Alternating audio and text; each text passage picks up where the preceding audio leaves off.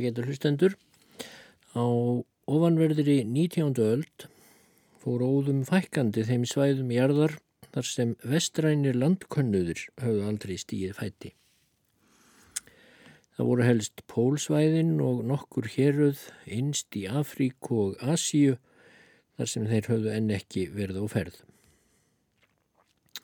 Og þar á meðal var norðurströnd Sýberíu en hún vakti þó æg meiri áhuga þegar leið á 19. öldina vegna þess að mönnum var mjög umhugaðum að finna nýja siglingarleið millir Evrópu og Asíu. Leiðin söður fyrir Afríku og yfir Inlandsaf þótti of laung og hættuleg, sérilegi áður en súeskurðurinn komst í gagnið. Margar sögur eru til um leit manna að norð-vesturleiðinni sem átti að liggja með fram Grænlandi og svo norður fyrir Kanada og inn í Beringshund millir Ameríku og Asíu en það stóð líka yfir mikil leitað norðausturleiðinni og þar voru russar að vonum einna fremstir í flokki, en einnig svíjar. Og árið 1878 sendu svíjar leiðungur á skipinu Vega sem barónin Nordenskjöld stýrði. Nordenskjöld var raunar hættur í Finnlandi en fraklaði staðan óanæður með stjórn rússa yfir Finnum en varð mikilsáttar maður í Svíþjóð. Nordenskjöld namn starffræði, jarðfræði, efnafræði og ímislegt fleira og fór að stýra leðungrum með fram norður Ísafströnd Rúslands. Á árunum 1875 og 6 sannaði hann með siglingum í austur átt frá Barentshafi, norðan Norregs, að það var hægt að sigla lengra í austur en menn höfðu áður talið. Hafísinn þar norður frá var kannski ekki alveg jafn óyfirstíganlegur farartálmi og talið hafi verið. Norðenskjöld hafði að minnstakosti sínt fram á að hægt væri að komast inn á Karahaf handan eigana stóru Novaja Semlja og 1878 lagðan sem satt upp í leðungur sem átti að komast að raunum hvort hægt væri að sigla alla leiðina austur með Sýberjuströndum og enda í Beringsundi í úr vestri. Íslenski landfræðingurinn Þorvaldur Tórótsen fylgtist spentur með leiðangrin Nordenskjólds og skrifaði nokkrum misserum eftir ferðina grein um þessa siglingu hans og hann ætla ég að gluka í í þessum þætti. Greinin er auðvitað barnsins tíma eins og sagtir en við látum ímis þau atriði, engum um íbúa þar norður frá sem menn myndur núna orða öðruvísi líka millir hluta og nú tekur Þorvaldur við. Því nú var Nordenskjöld hinn ákafasti til að hvetja menn til nýrar ferðar þar austur því hann hvað það engum vafabundið að fara mætti norðausturleiðina ef rétt væri að farið. Norður um Sýberíu falla stór ár margar, helstar þeirra eru Óp, Jenisei, Lena og Kólíma. Það eru ákaflega laung og mikil fljót til bera vatn frá söðlægum héröðum. Nordenskjöld sagði að slíkt vassmagn hliti að vera heitara en hafið sem það fellur að lokum í og að við það yrði að myndast heitur ströymur eða all norðan með Sýberíuströndum sem rinni austur eftir snúningi í erðar. Og hann hvað þennan ströym áraðanlega myndu halda öllum ísum frá ströndinni í ágústmánuði. Þetta reyndist og rétt til getið konungur svíja Óskar Annar, Óskar Dixon, auðmaður mikill í Gautaborg og rúsneski auðjöfurinn og landkonnuðurinn Alexander Sibir Jakov buðust nú til að leggja fér til slíkrar ferðar og setna veitti sænska ríkistingið 25.000 krónur að auki. Nordenskjöld kifti nú skipið veka fyrir 150.000 krónur og let búa það sem best máttu verða. Vega er gufiskip með 60 hestaafli, 150 feta langt og tekur 500 smálestir. Þegar skip er gjört út til slíkrar langferðar er margs að gæta því allt er komið undir því að undirbúningurinn sé sem hendugastur. Vega hafði öll vísindalega áhöld og bækur sem með þarf til rannsókna og sérstaklega var það að hafa gætur á að matfælinn væri góð og hendug. Í norðurhöfum er skýrbjúgur mjög algengur sjúkdómur en ef maturinn er sem hann á að vera, kjöti nýtt og nóg kálmeti og menn hafa nóg að gjöra og láta eigi hugfallast, þá er eigi hægt við þeim voða gesti skýrbjúgnum.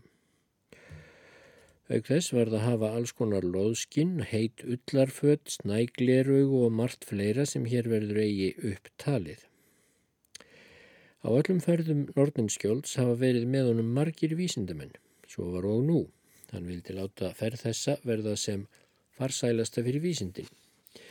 Sjálfur hugaði hann að jarðmyndun og steinun, steinum þar sem þeir komu, en þessir vísindamenn aðrir voru í förmeðunum, doktor Kjellmann, grasafræðingur, Stúksberg, dýrafræðingur, Nordqvist, tólkur og dýrafræðingur, Hófgar, danskuræðætt, eðlisfræðingur, Almqvist, læknir og Bóve, sjófóringi ítalskur, en hann átti sérstaklega að rannsaka sjó og eðli hans.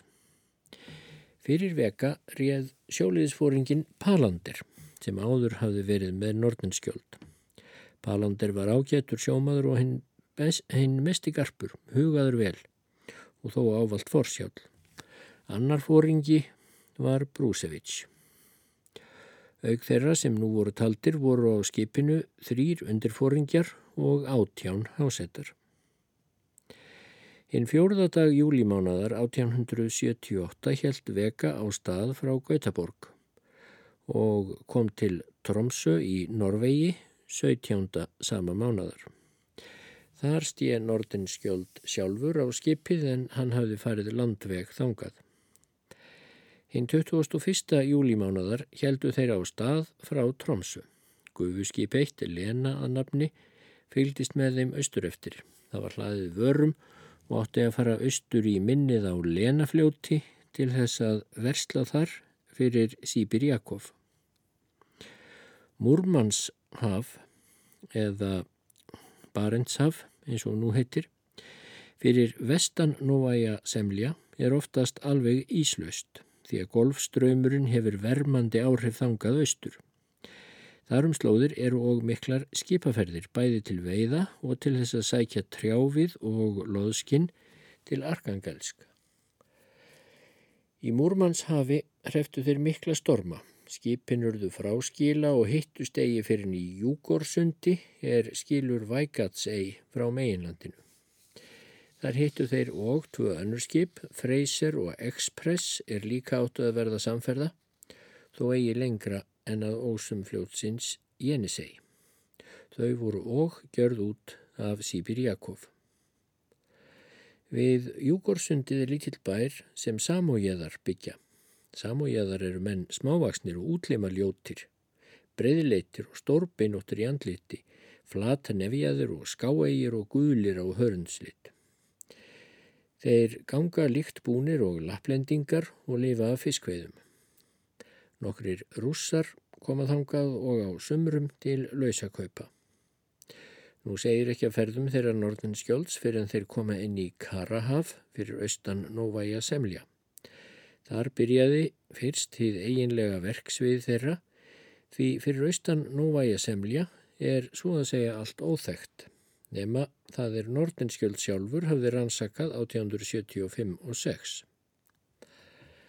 Karahafið er eigi djúft, ekki nema 10 til 30 faðmar, en norður með austurströnd Nóvæja Semlja likur 200 faðma djúpur áll og þar er á mararbotni mjög auðugt dýra og júrtalíf er þurftir rannsóknar við. Nú var því tekið til óspildra málana, djúpið stikað, hiti og saltmagn hafsins rannsakað og dýr og þangplöntur dregnar upp frá mararbotni.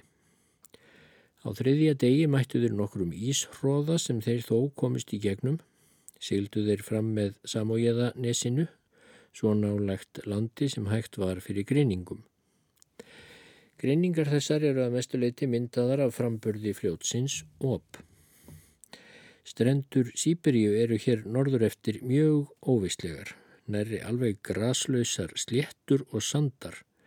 Klaki þýðnar aldrei algjörlegu úr jörðu en það hafast hér engir við nema einstöku samójöðar á víð og dreif. Veka stemdi nú austur í Dixon höfn og helt sér tölvert frá landi sökum grinninga. Þó er hér eigi hætt við að útnorðan stormar reki skip á land því að stórar rastir út af fljótaminnunum íta ströymi frá landi. Hinn 7. ágústmánaðar komuð þeir til Dixonhafnar við Karahafið og dvöldu þar fjóra daga til rannsóknar en Freyser og Express heldu upp eftir fljótinu Jenisei. Frá Dixonhöfn var ferðinni haldið áfram norður með landi og fundu þeir þar ymsar nýjar eigjar. Hér fóru þeir fyrst að taka eftir því að landabref þau sem gjörð voru á fyrri öld eftir rannsóknum þar eistra sem þá höfðu farið fram reyndust vera mjög ónákvæm og ströndin eigi rétt sett fyrir en fyrir austan minnið á Kólíma. Óvíða var sjávardýft tilgreind á þessum gömlu landabrefum og þá æfinlega skakt. Þeir félagar eruð því að mjaka sér áfram með mestu varúð til þess að sykla eigi upp á greiningar, sker eða flúðir. Dýpið var stikað einu sinni á hverri klukkustundu en þegar gringaði mjög var lítill gufubátur sendur á undan til rannsókna. Mesta djúb sem þeir fundu á þessari leið var 70 faðmar. Það var fyrir austan Tjeljúskinhöfða. Þegar þeir komu norður undir Tjeljúskinhöfða fóru þeir að hitta hafís og þóku sem ávalt fylgir hafísnum. Ísþókan í norðurhöfum er gegvænlega svört. Fram með ísbreyðunum stendur hún í svörtum veggjum svo að eigi sér stafna á milli á skipinu og má nærri geta að þar muni þurfa varúð við að hafa þar sem ótal fjallháir hafísjakar berast um ókýran sæ, rekast með kvellum og braki og mundu móla allt er á millum væri. Stundum dregst þokan frá eins og tjald og þá glitra sólargislatnir á ótal kvítum ísturnum og tindum með heiminbláum sprungum og gljúfrum í milli. Einn 14. ágúst komu þeir að Tæmýr eigu, vörpuðu þar akkerum og eruð að dvelja þar í hálfan fjórða dag vegna dimviðris og þóku. Þar rannsökuðu náttúrufræðingarnir margt af dýrum er tímgast á marrbótni.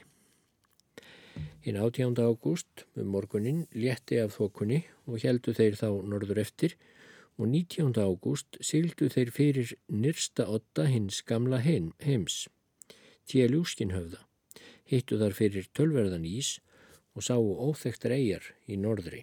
Þar hafði skip aldrei fyrir farið. Þá var mikill fögnudur á vekka, veifur blöktu á hverri stöng og fallbissu skotin drundu, svo bergmálið hvað við hvaðanæfa. En gamal kvítabjörn satt framann á höfðanum, sperti upp augun og horfi högt ofa undrun á þessa sjaldgefu sjón. Þaðan ætluðu leiðangursmenn nokkuð til norðurs til þess að vita hvort eigi væru þar fleiri ókendar eigjar og lönd en urðu að hverfa burt fyrir Ísum. Þeir heldu því nærlandi og sildu suður eftir þétt með ströndinni því að þar var Íslaus áll. Östurströndin á Tæmúrlandi er hálend og er það óvanalegt í norðurhutta Sýberju. Þar voru fjöll með sjófram, allt suður undir Tjagangaflóa 2000 feta há og jöklum þakin. Þeir lendu á Tjaganga eigunni í fjardarminninu. Hún er sæbrött og full af bjargfugli.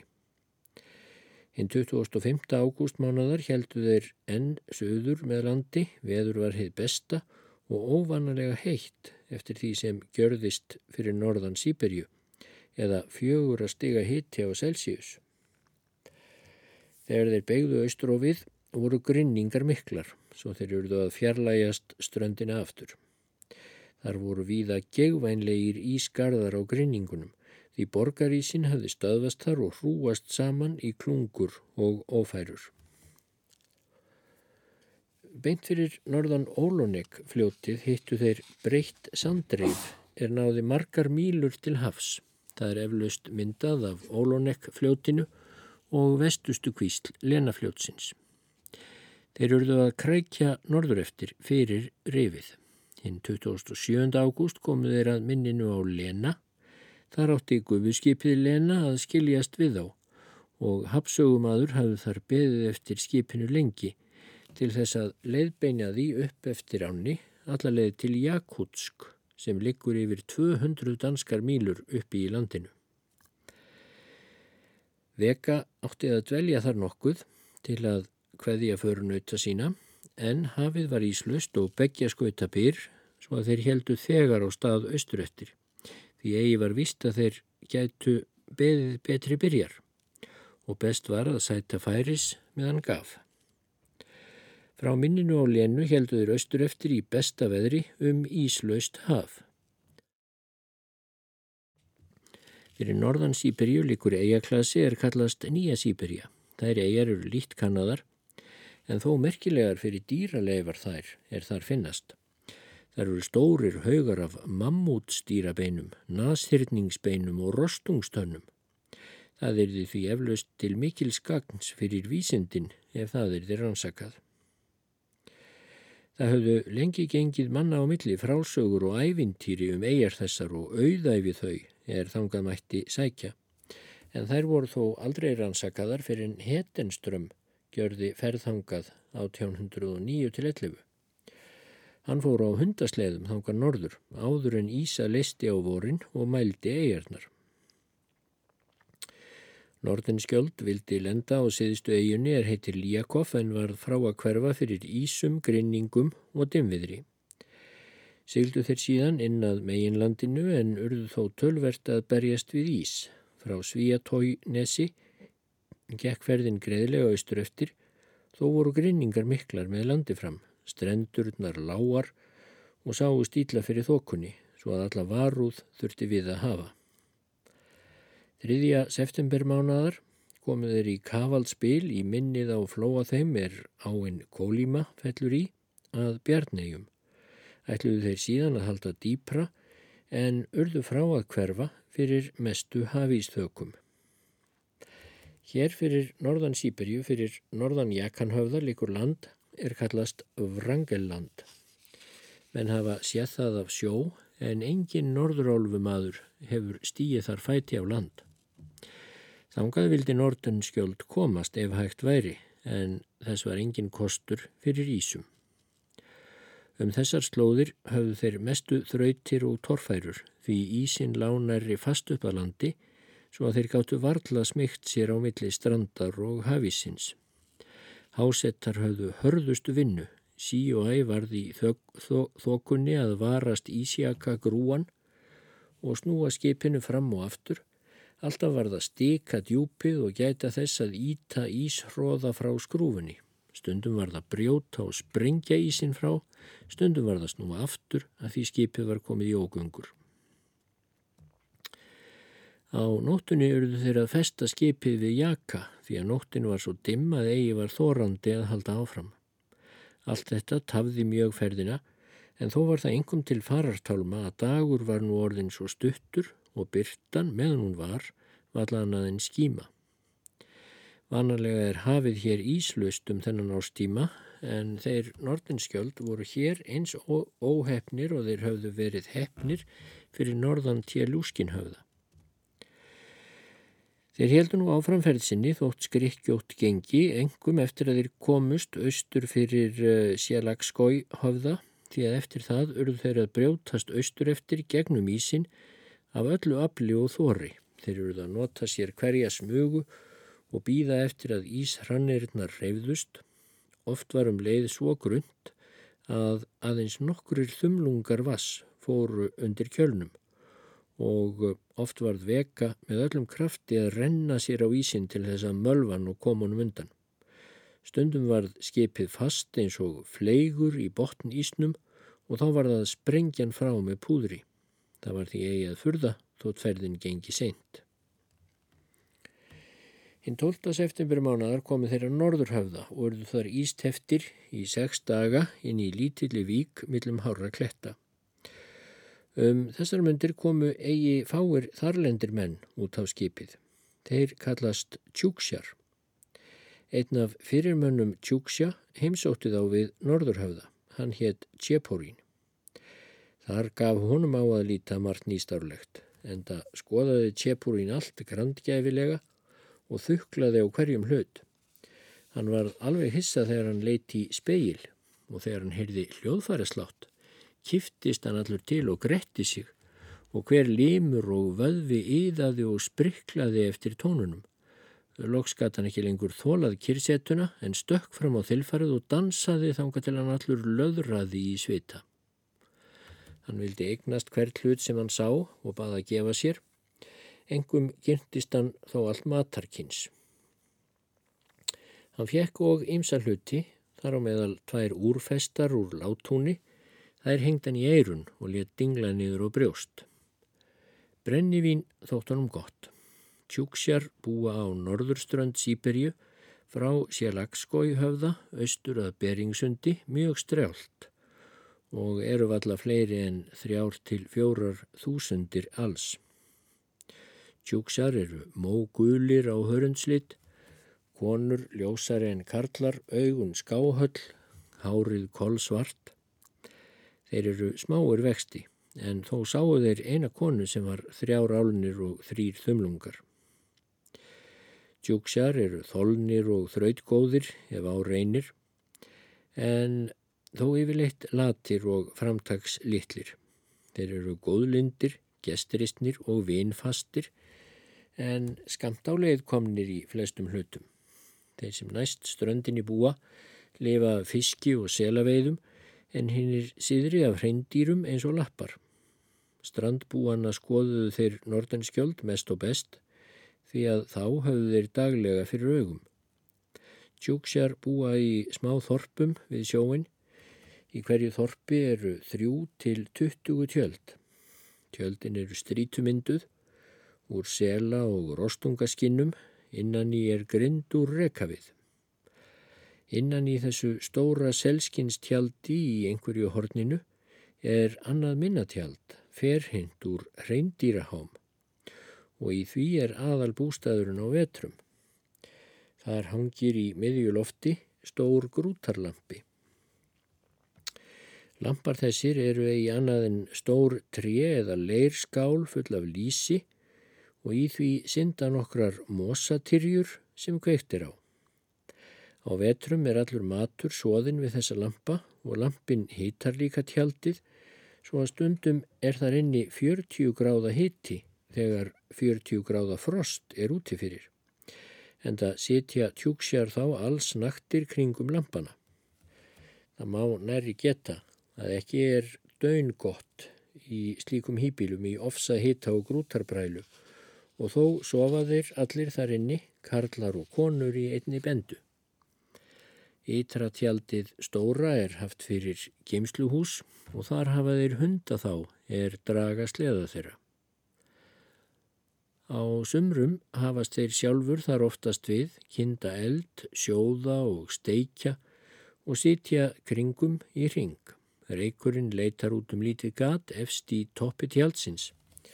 En af þessu leiðir að þeir sitja í sífældri svælu, en því eru þeir orðnir vanir og kippa sér því ekki upp við að þó dáltið rjúki. Tjúksjar ganga alltaf klættir loðskinnum. Þeir hafa síða úlpu úr reyndirraskinnum og veita hárin út en á innri klæðum inn. Karlmenn hafa þröngvar skinnbrækur og loðuna skinnsokka, konur ganga í víðum brókum er aðeins ná niður á knið. Karlar skera hárið stutt en konur hafa sítt hár í tveimur fléttum og hanga þær niður fyrir framann eirun en nokkuð af hárinu eru greitt niður á ennið og skorið jamt fyrir ofan augabritnar. Strandabúarnir eru veiðimenn miklir og lifa næri engöngu á sela og rostungaveiðum og oft verða þeir í hörku gatti að líkja marga daga við vakir og býða veiðarinnar. Þeir nota til veiða löngspjót, bæði lagspjót og skotspjót, boga og örvar, skuttla og nokkur skonar slöngur. Þeir hafa selskinsbáta, stærri og minni eins og grænlendingar. Á vorin veða þeir kópa í nótir úr ólarreipum sem þeir leggja millum jakana. Hamrar tjúksa og sleggjur er úr steini og rekur úr rostungsbeini. Búsluti hafa þeir úr beini og tré reyrða saman með selskinsólum. Tjúksjar hafa sleða úr tré bundna saman og marg vafða með selskinsböndum. Fyrir sleðana beita þeir hundum. Stundum eru alltaf 20 hundar fyrir sleðunum. Á sleða geta þeir farið með mörgum hundum alltaf því þrjár til fjórar þingmannaleiðir á dag. Hundarnir eru líkir úlfum, grimmir og rýfa í sig allt er þeir ná í, en það skipta húsbændur þeirra sér ekki mikið af þeim. Aðal fæða tjúksa er selkjött og selspík. Þeir geta og byrni, reyndýr, fuggla og fiska er þeir fá.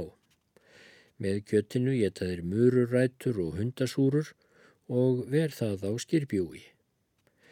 Á sumrum þegar vel veiðist lifa tjúksjar í mestu ógengt og geta og sofa á víksl meðan eitthvað er til. en þegar forðin er að þrótum komin er oft hart í búi en það leggja þeir sér þá til munns allt sem tönna og festir. Þá sjóða þeir beinabröðning og á því lifa menn og hundar þótt ekki sé það staðgóður matur. Djúksar eru það nafninu til kristnir en vita þó varla í raun hvað kristin trú er. Þeir fylgjað öllu heiðnum síðum en gjörast kristnir þegar þeir koma á markaði söður í landi og hitta rúsneska presta sem gefaði þeim tópak og brennivín fyrir að láta skýrast. Allir heldri menn eiga tvær konur eða fleiri. Líkami döðramanna grafa tjúksar eigi en leggja þá út á víðavang og láta úlvana naga utan af beinunum. Kringum líkið leggja þeir reyndýrahorn, hauskúpur af björnum, rostungum og selum og eru það fórnir til andana. Tjúksjar syngja ymsa söngva ef söng skal kalla því það líkist miklu meira því að hveðnar séu rýmur og dregin seimur. Tjúksjar hlýða tveimur höfðingjum, annar þeirra býr við anadýr, hinn við kólímafljót. Tjúksjar hafa áður búið sunnar í Sýberju en hafa orðið að flýja norður að Ísafi fyrir óeirðum söðurætni þjóða. Þá var við strendurnar þjóð sem hétt Ongílón. Þeir grófu sér hýbíli í jörðu og hlóðu yfir grjóti og torfi. Þeir nordenskjöld sáu ímsa rústir af bústöðum hinna fornu Ongílóna. Ongílónar byðu ósigur fyrir tjúksum og flýðu á bátum norður í Ísafið og hefur eigi spurst til þeirra síðan. Sumir halda að Onkilónar hafi flúið til Rangelands og segja það enn byggt því að einstaka sinnum komu menn á ís til meginlandsins norðanað. Fyrir vestan Tjúksja er svo lítil þjóð við Kólímafljót er kallast Jakútar. Þeir eru nú mjög fáir en hafa verið voldugir fram á tímum og ymsar smáþjóðir hafa stokkið undan Jakútum norður til hafs. Þessar smáþjóðir allar hafa að nokkura ætlun komist á Ísum yfir Norðurhafsæjarnar allt austur til Grænlands. Sumir ætla jafnvel að skrælingjar á Grænlandi séu eftirkomendur fornra Sýberíu þjóða sem orðið hafa að stökku ár landi en tungur allra skrælingja bæði í Asi og Ameríku eru mjög líkar. Thank you.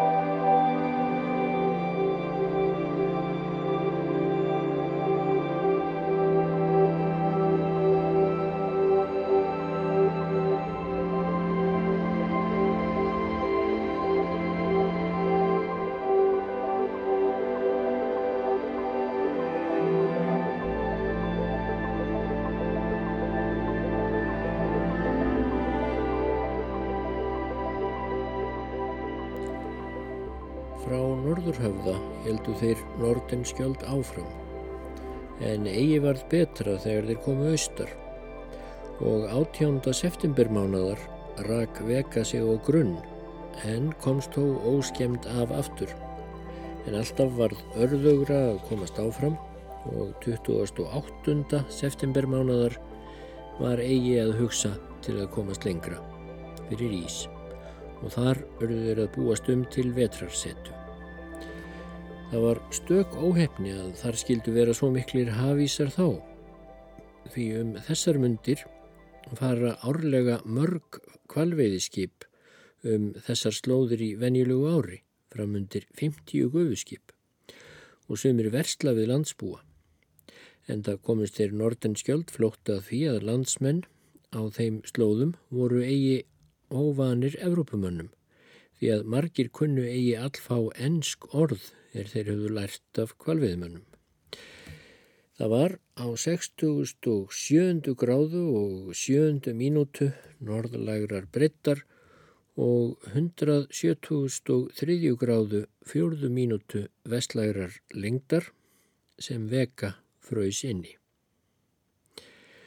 Norð-austurleiðin öll er fjögur þúsund enskar mílur en nú voru aðeins eftir 120. Þó eruðu þeir nú að láta staðar nömið.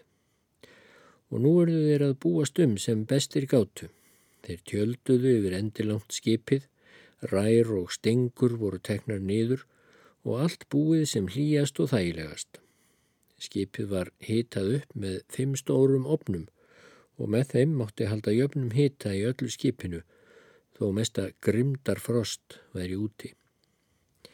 Til eldsneiti sögðu þeir rekavið og steinkól. Skipstjórin Palander var hrettur um að ísin myndi þrýsta og fastað skipinu og let þess vegna högva þryggja feta breyða vög allt í kringum skipið og verja hana ísalögum en brátt höfðu hásettar ekki við svo fljótt fröys sjórin aftur. Væri vökin opnuð að kvöldinu var komin á hana fetsþykkur ís að morgni og enþá þykkari þegar snjóað hafði um leið. Um veturinn gjörðu þeir allar þær aðtúanir erðir gátu. Það var þó einhverjum veðurlægið og segul afljarðarinnar er þeir gátu rannsakað. Með þeir höfðu vetursetu, blésu sí og æ norðan vindar og fylgdi þeim hörkufrost. Ísin náði eins langt og augað eigði, hvergi var að sjá minnstu vög og á landi sást hvergi í dökkan díl fyrir snjó.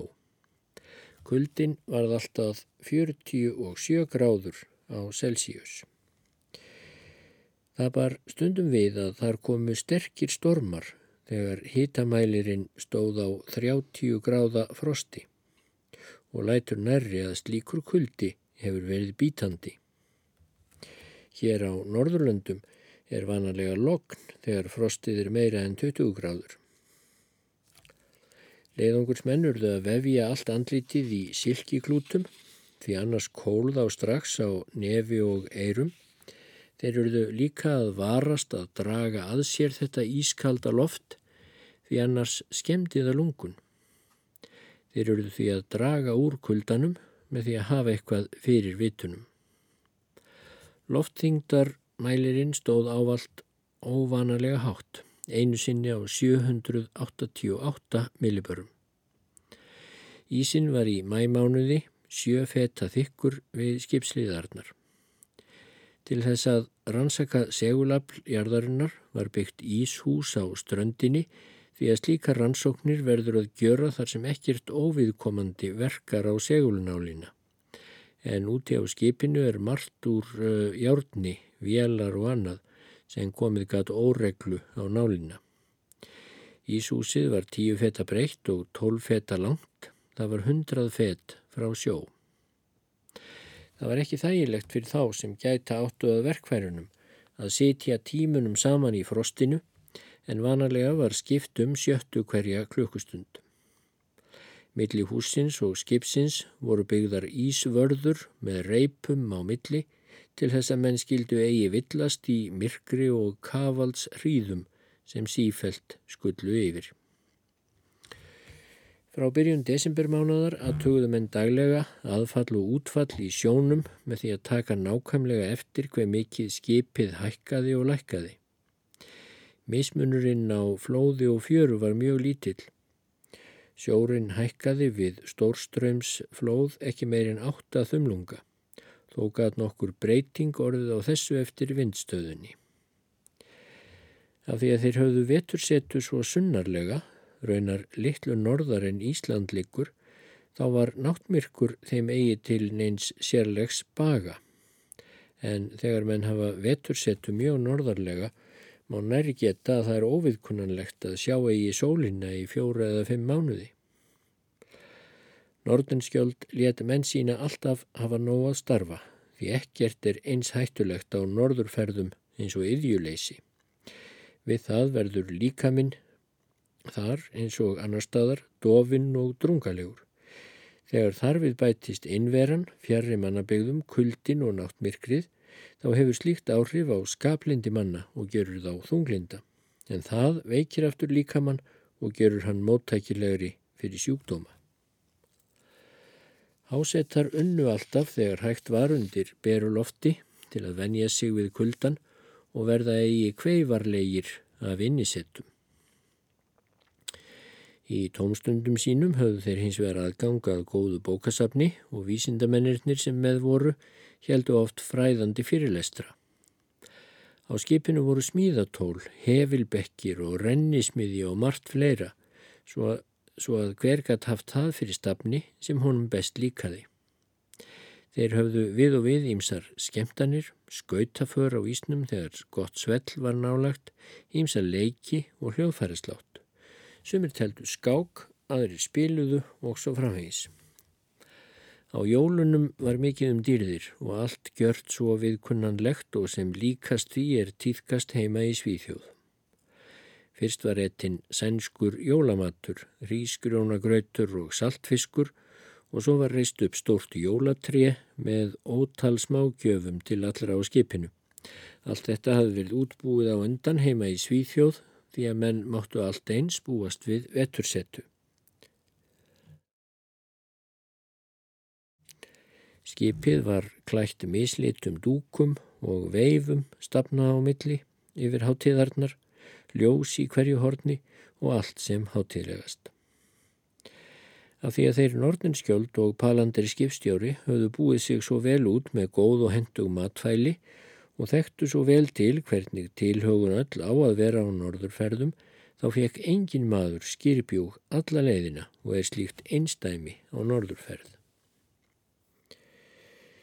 Í byrjun mæmánadar 1879 fór snjórað minka dag frá degi og í byrjun júlimánadar var landað mestuleiti aukt. Undir eins og snjórin kvarf af jörðu grænkaði kvarvetna og allt þaktist marglítu blómskrauti.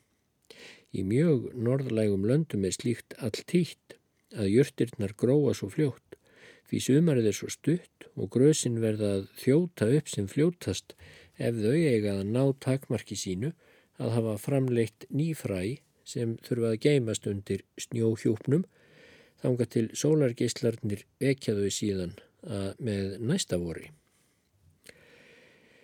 Þegar snjórin tók að brána mynduðust ótal lækir og tjarnir og þar sapnaðist grúi allskonar fuggla, einhver mávar, gæsir og helsingjar og ströndin var öll kvik af selningum. Ísin fór nú smátt og smátt að þinnast og vakir komu hér og hvar.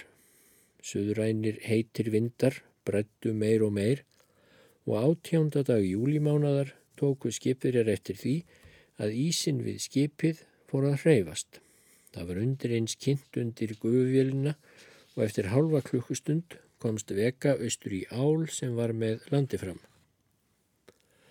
Nú voru þeir úr allri hættu en höfðu þá setið ísteftir í nýju mánuði og 20 daga. Sunnudaginn hinn 20. júli klukkan 11 fyrir miðnætti fór veka fram hjá Austurhöfða Asíu og svo var norðausturleiðin fundin. Þeir nordenskjöld hafðu nú unnið þrekvirki sem lengi mun halda nafni þeirra á lofti. Þeir höfðu ráðið gátu er landafræðin lengi hefur reynd að leysa, unnið vísindunum mikið gagn og opnað versluninni nýjar brautir. Því þótt að sé eigi líklegt að skip geti óhindrað á hverju ári farið allar norðausturleðina, þá er nú ljóst að það má þó komast bæði að austan og vestan allangt fram með ströndum Sýberju. Þessi ferð mun eflaust gjöra mikið til þess að útrýma ræðslu manna við að sigla um þær slóðir með því að gjöra léttari vöruflutninga frá Sýberju og þar með gera stór lönd, gaglegri og byggilegri en þau hafa áður verið. Þegar þeir komið söður úr Beringsundi heldur inn í, í Lárensflóa til Lorenýjar og svo til Beringsegjar. Svo eiga heitir eins og sundið eftir dönskum manni Vítus Bering sem í byrjun fyrir aldar fór ímsar rannsóknarferðir fyrir rússastjórnum höfin við norðaustur 8 Asíu. Bering dó þar á eiginni 1741. Þangað hafðan nýlega komist af skipróti. Á Bering eiginni búa hér um byl 300 manns. Þeir lifa mest af selveiðum 50 til 100.000 erðnaselir eru drefnir þar árlega. Þeir nordenskjöld völdu þar fimm daga mest til að rannsaka dýralífið því það er að mörguleiti merkilegt. Þar var fyrrum grúi af refum sem fóru eins og logi yfir akkur og átu allt sem ætt fannst og tönn á festi en nú eru þeir miklu færri. Við strendurnar eru ótrar og ymsar selategundir. Á beringstímum var þar á eiginni undarlegt dýr sem kallast barkardýr. Það var eftir sköpulagi sínu eins konar milliliður milli þykkskinunga, þar að segja fíla og tapýra og kvala. Húð barkardýrsins var mjög þykk og mórauð á lit, eigi ólík eikarberki. Dýrið var 35 feta langt eða um 10 metra og vó 5.000 fjörðunga. Það lifði af þangi. Þegar Bering og náttúrufræðingurinn Steller voru þar var það aðra grúi af þessum dýrum við strendurnar en nú finnast þau eigi. Á öldinni sem leið var skuttlaður fjöldi af þeim og að því dýrin voru spögg þá tókst mannum fljótt að útrýma þeim. Húðbarkardýrsins var höfð í báta og reyni háfengust tveir 20 feta langir, 7 feta breyður og 30 feta djúpir bátar. Beringsegjan er annars eldbrunnin, þar eru mörg vöttn og ár fullar af sílungi og lagsi. Sjávarbotnin þar í kring er alvaksinn geysi stórum þangplöntum, þar eru stórir skóar neðan sjávar af 60 til 100 feta háum þönglum og þörum sem ótalfiskar og selir leika sér í. Einn 19. ágústmánaðar held veka frá Beringsegjunni, stemdi til Japan og kom 3. september um kvöldið til borgarinnar Yokohama. Í Japan var leiðangursmannum tekið fegins hendi, menn þóttust á úr helju heimtafa og rafsegul þræðirnir báru gleði fregnina um uppgötfun norðausturleiðarinnar út um allan heimi í einni svipan. Tvö gufiskip hafði verið sendt til að leita þeim um sumarið annað laskaðist á leiðinni en hitt sneri aftur þegar til þeirra fréttist. Í Japan var nordenskjöld og félögum síndur hinn mest í sómi og margar veislur gjörðar í móti þeim. Á ferðsinni suður eftir sáu þeir margt nýstarlegt, ný lönd og nýjar þjóðir og það stakk í stúfin að sjá fegurð og frjósemi heitulandana eftir að hafa verið háltanað árinan um eintóman ís og snjó. Hér er því oflant að segja frá ferð þeirra fyrir austan og sunnan Asíu en það kemur það þessu efni eigi við. Vega fór frá Japan til Hong Kong, þaðan til Singapúr, þaðan til Ceylon og svo um Inlandshaf og Persaflóa inn í Rauðahaf og svo um Súaskurð inn í Midjardarhaf. Allstaðar var þeim tekið með fögnuði og háttíðahaldi er þeir komu. Hinn 12. februar 1880 komu þeir til Napoli á Ítalju.